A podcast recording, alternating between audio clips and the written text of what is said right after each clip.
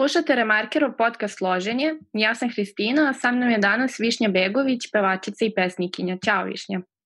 Ćao. Uh, reci mi, pevanje si završila na Berkliju i vola bih da mi objasniš kako funkcioniše ta škola savremene muzike, kako uopšte izgleda studiranje na Berkliju i u Americi pogotovo. Ja sam se odlučila za Berkeley zato što je to škola specifična po tome da uh, ne zahtevaju nikakvo predteoretsko znanje iz muzike i um, mo, možeš da ga upišeš, jel, ako ne znaš ništa, mislim, ne, ne moraš da radiš nikakav teoretski prijemni, tamo polažeš prijemni na svom instrumentu i improvizuješ i u stvari oni se najviše fokusiraju na muzikalnost kao takvu.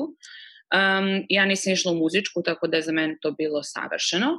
Um, I nisam iskreno očekivala da će me primiti, uh, pa su me primili i onda sam morala da se malo na bum ovaj, odlučim i da se nekako pomirim sa tim da se sada selim u Ameriku šest meseci nakon što se to dogodilo, nakon što su me primili.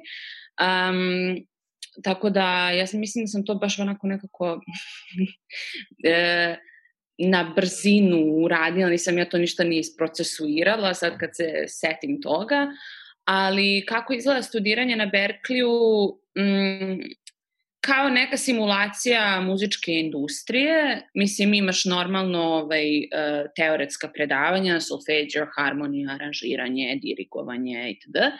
Uh, imaš i um, taj kao general education, pošto Berkeley nije klasični konzervatorijum, tako da moraš i da slušaš, jel, ne znam, psihologiju, neke društvene nauke, književnost, tako da imaš i, i tu komponentu koja mm. mnoge ljude nervira, ja sam obožavala, mislim, ja sam društvenjaka i nekako mislim da, da bi bio dobar umetnik moraš da budeš e, obrazovan, tako da meni uopšte nije smetalo jer e, mislim da mi je čak koristilo. Um, I kako izgleda studiranje u Americi? Pa, čudno.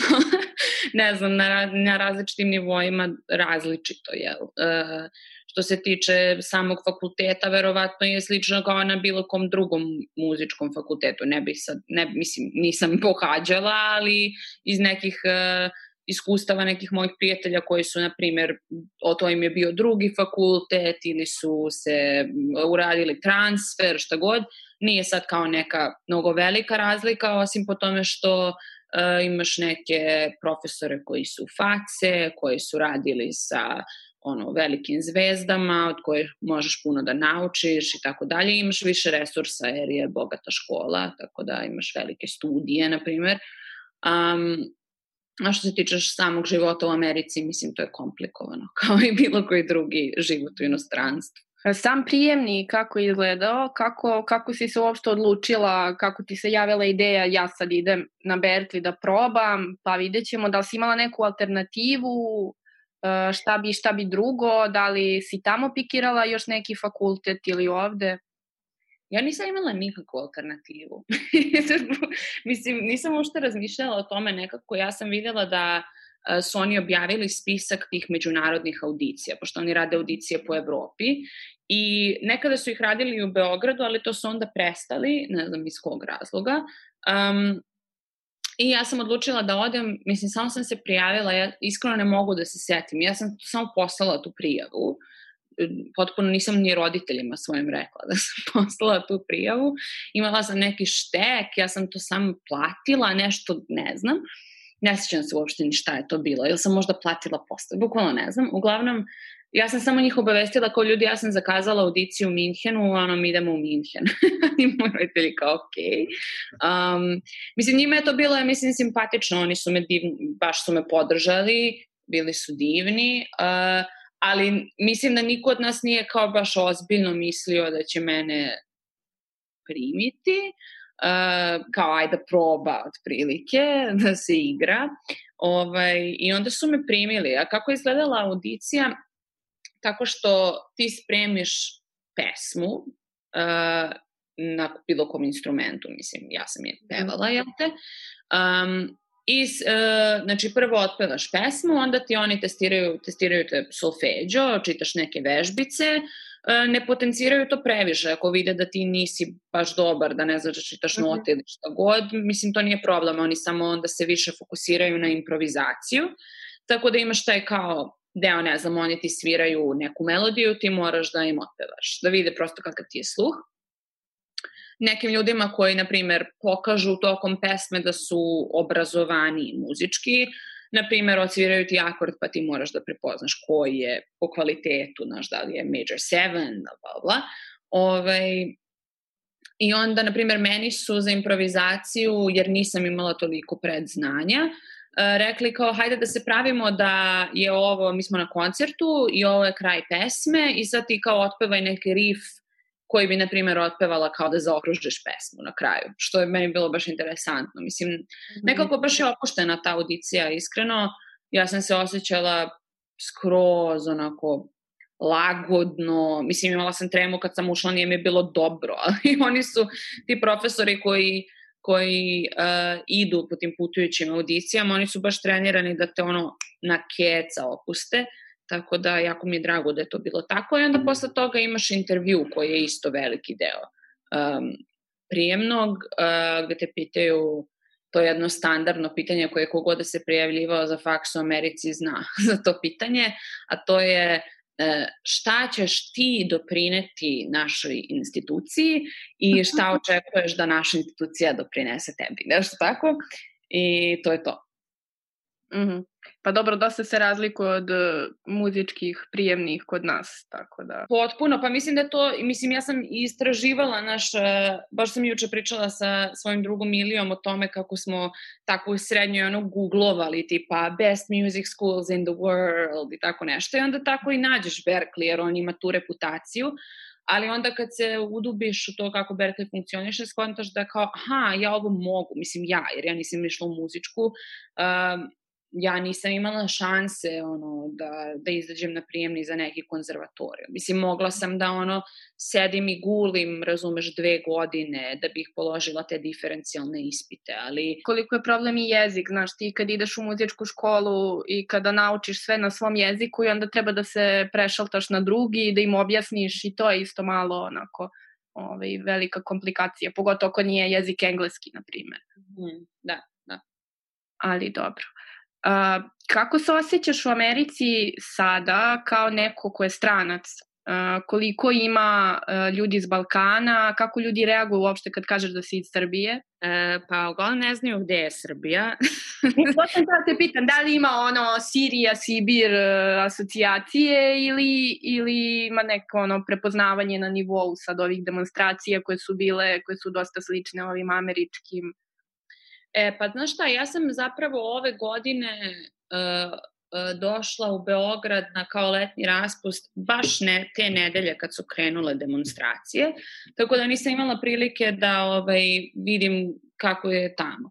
Iako znam da mi se dosta mojih prijatelja iz Amerike javljalo jer su videli na, na društvenim mrežama, čuli pa su me kao... videla Morgan Freeman je podelio bio. Da, da, da. Mislim, e, interesantno je to kako sad u ovo doba korone se informacije nekako brže šire, ovaj, kratka digresija, mislim, kako je ova priča, uh, ovaj, mislim, tragičan slučaj Georgea Floyda uh, se raširio po svetu mislim, kao ni jedan takav slučaj do sada, a ja, pošto živim tamo već šest godina, i ono, bavila sam se malo aktivizmom tamo na taj način i istraživala o tome.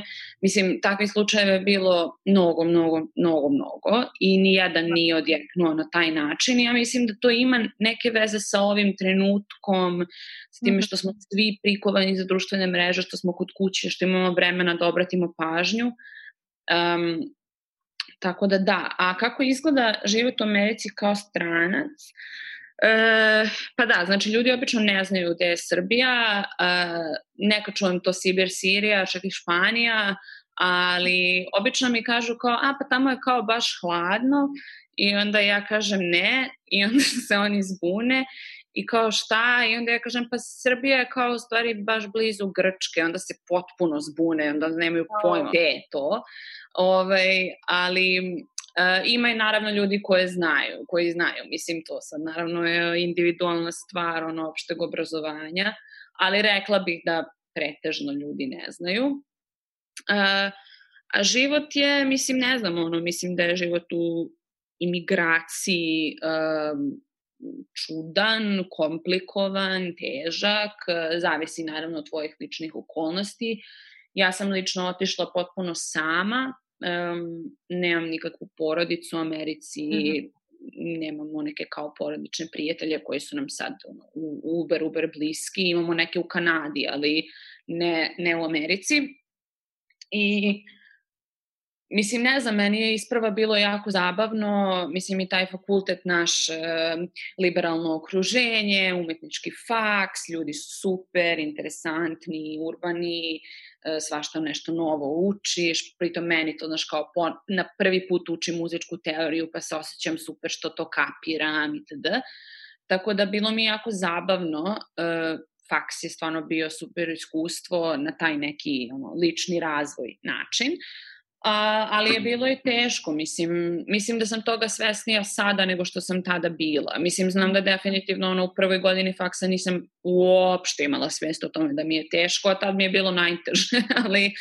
Da, ovaj... ima si u tom trenutku i morala si da reaguješ brzo, prosto se ni... Ma da, pa da, to su ti odbrambeni mehanizmi, znaš, neka potiskivanja i da ne ulazim sad u svoje priče sa svojim psihoterapeutom, ali ovaj, mislim, čudno je čudno je. Rekla bih da je čudno, da je komplikovano, ali da je, u mo, mislim, u mom slučaju mi je jako puno značilo. Nekim ljudima ne legne i mislim da to isto potpuno legitimno. Uh, meni je leglo, prijalo mi je, uh, mislim, ne znam da li sam ja možda neki, ne znam, volim da se mučim ili šta, ali ovaj, definitivno je bilo ovaj, više korisno nego što nije bilo.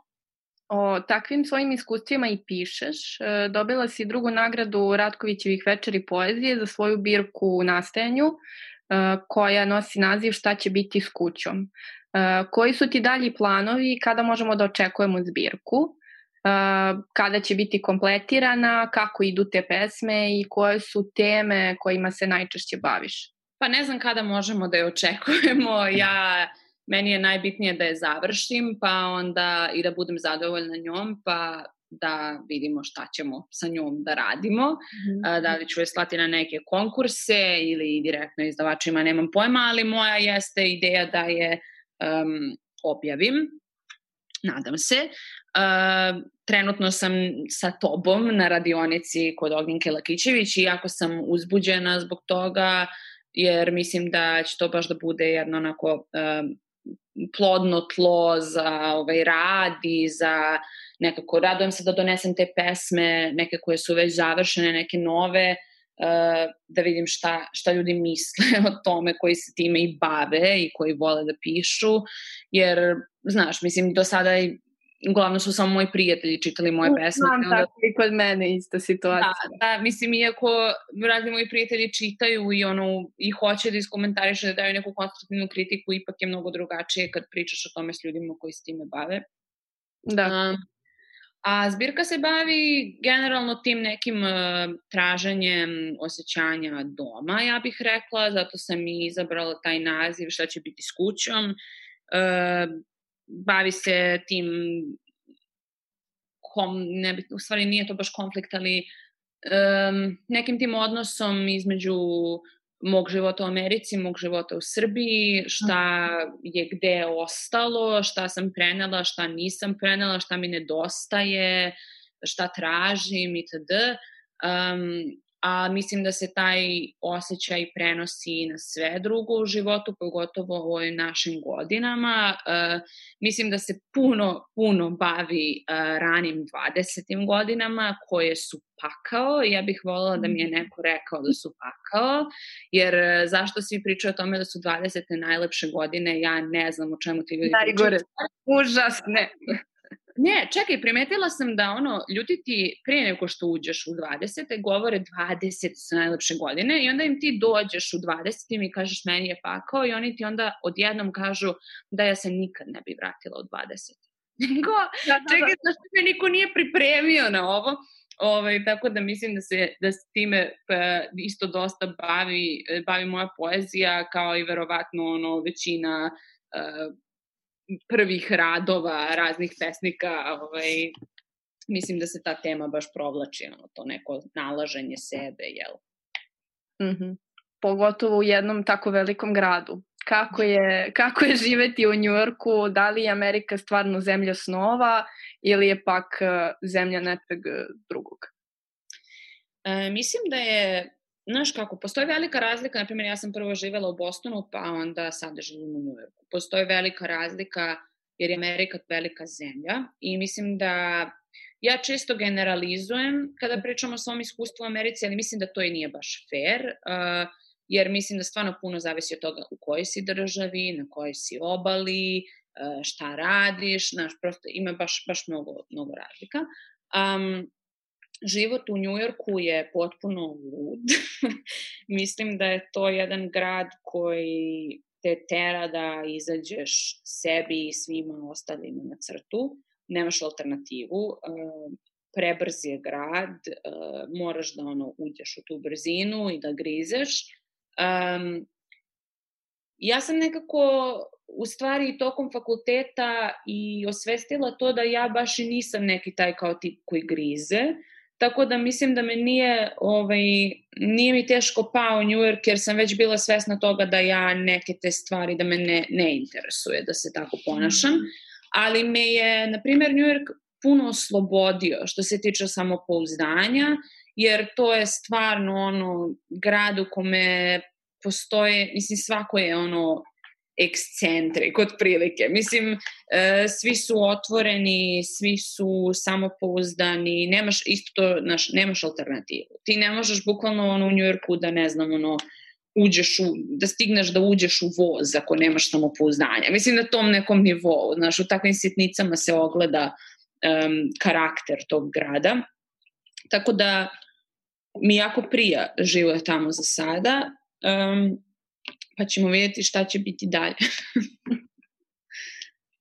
E, trenutno studiraš menadžment u kulturi, umetničku administraciju, kulturnu politiku. Kako to izgleda? Kako si ovaj, se prebacila sa striktnog pevanja na a, taj neki menadžment? E, koliko ti je to pomoglo da a, prosto skapiraš koje su tvoje mogućnosti i šta možeš da radiš sa, sa svojim delima i sa svojim autorskim projektima koliko oni vrede i kako, kako da ih plasiraš u suštini. Pa, e, to je i bila neka moja e, ideja kada sam upisivala taj master, da stvari ja sam ga upisala da bih, da bih bolje znala šta da radim sa sobom i sa svojim autorskim projektima, um, jer sam se stvarno plašila biznisa, mislim i dalje ga se pre, donekle plašim, ali um, sam odlučila da ono moram da naučim više o tome i da moram da razbijem m, sebi taj strah, e, prosto da bih funkcionisala u društvu, jer mislim da bežanje od toga nije baš produktivno i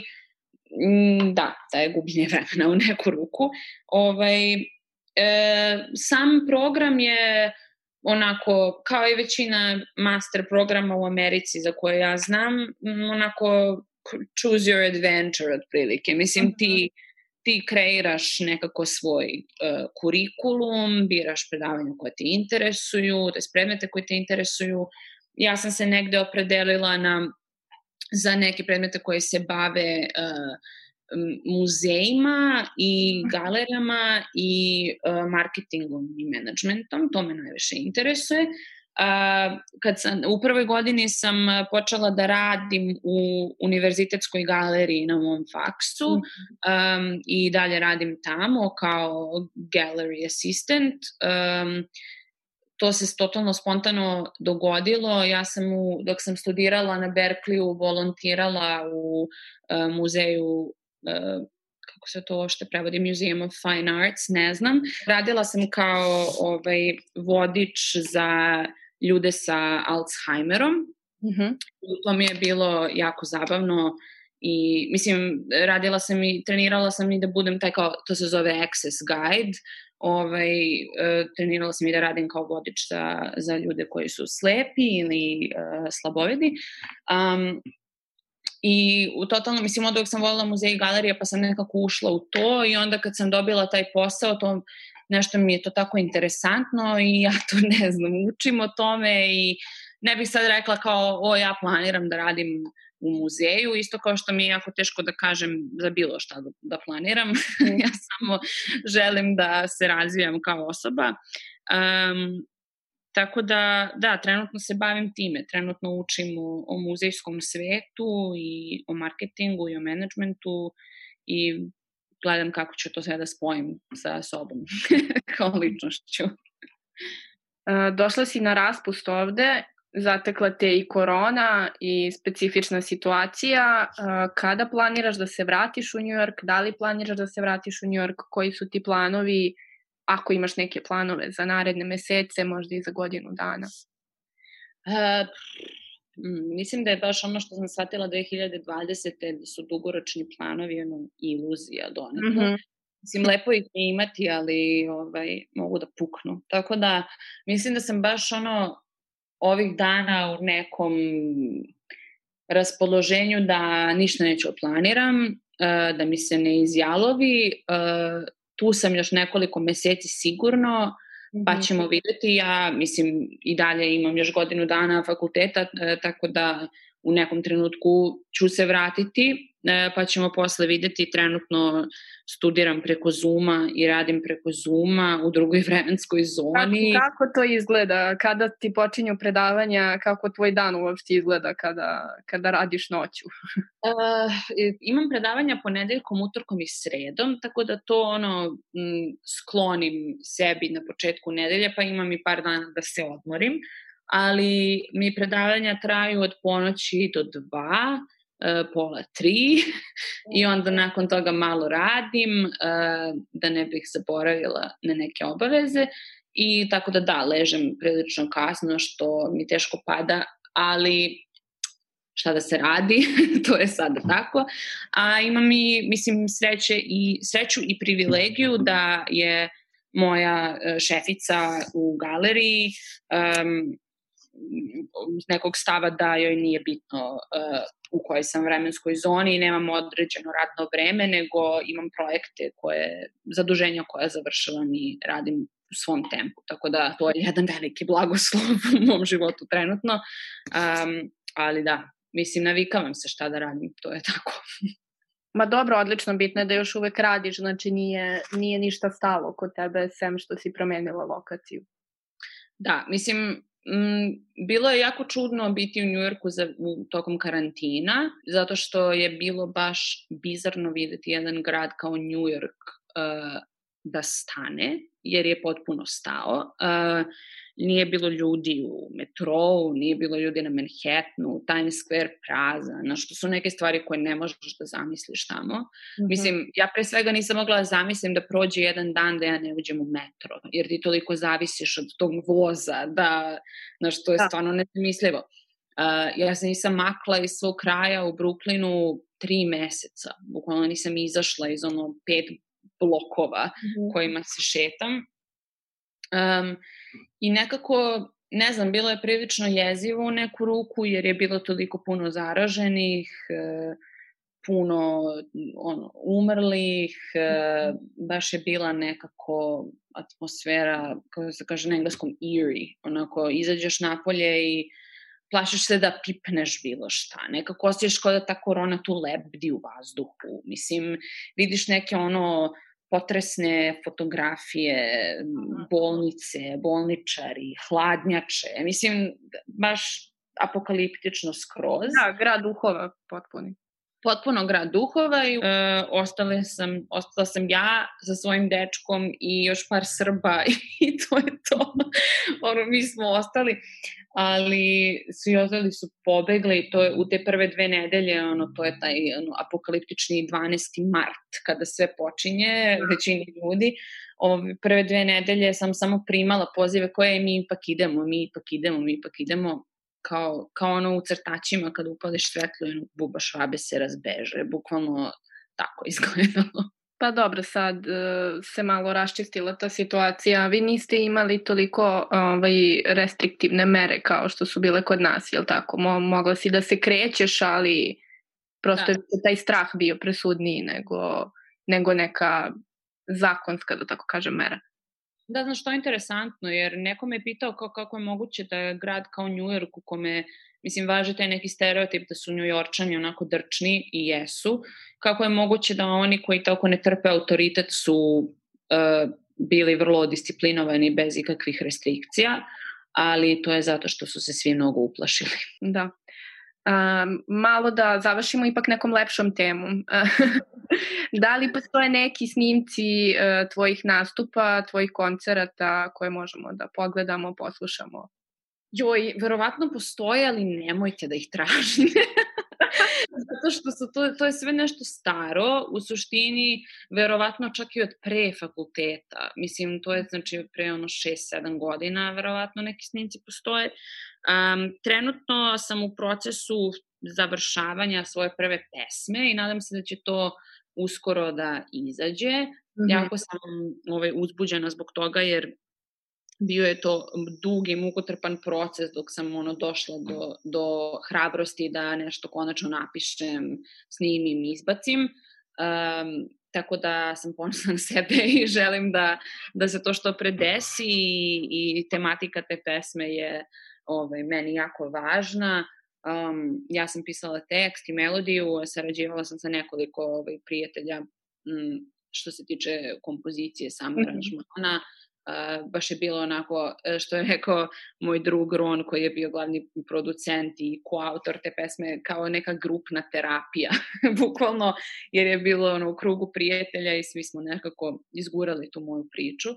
Ovaj, tako da sam jako uzbuđena i nadam se da će se to što pre desiti. Ja, ja planiram da, da ta pesma izađe u narednih meseci i po dana. Odlično. Da. Super. Hvala ti puno, Višnja, što si danas razgovarala sa mnom. Hvala tebi, Hristina.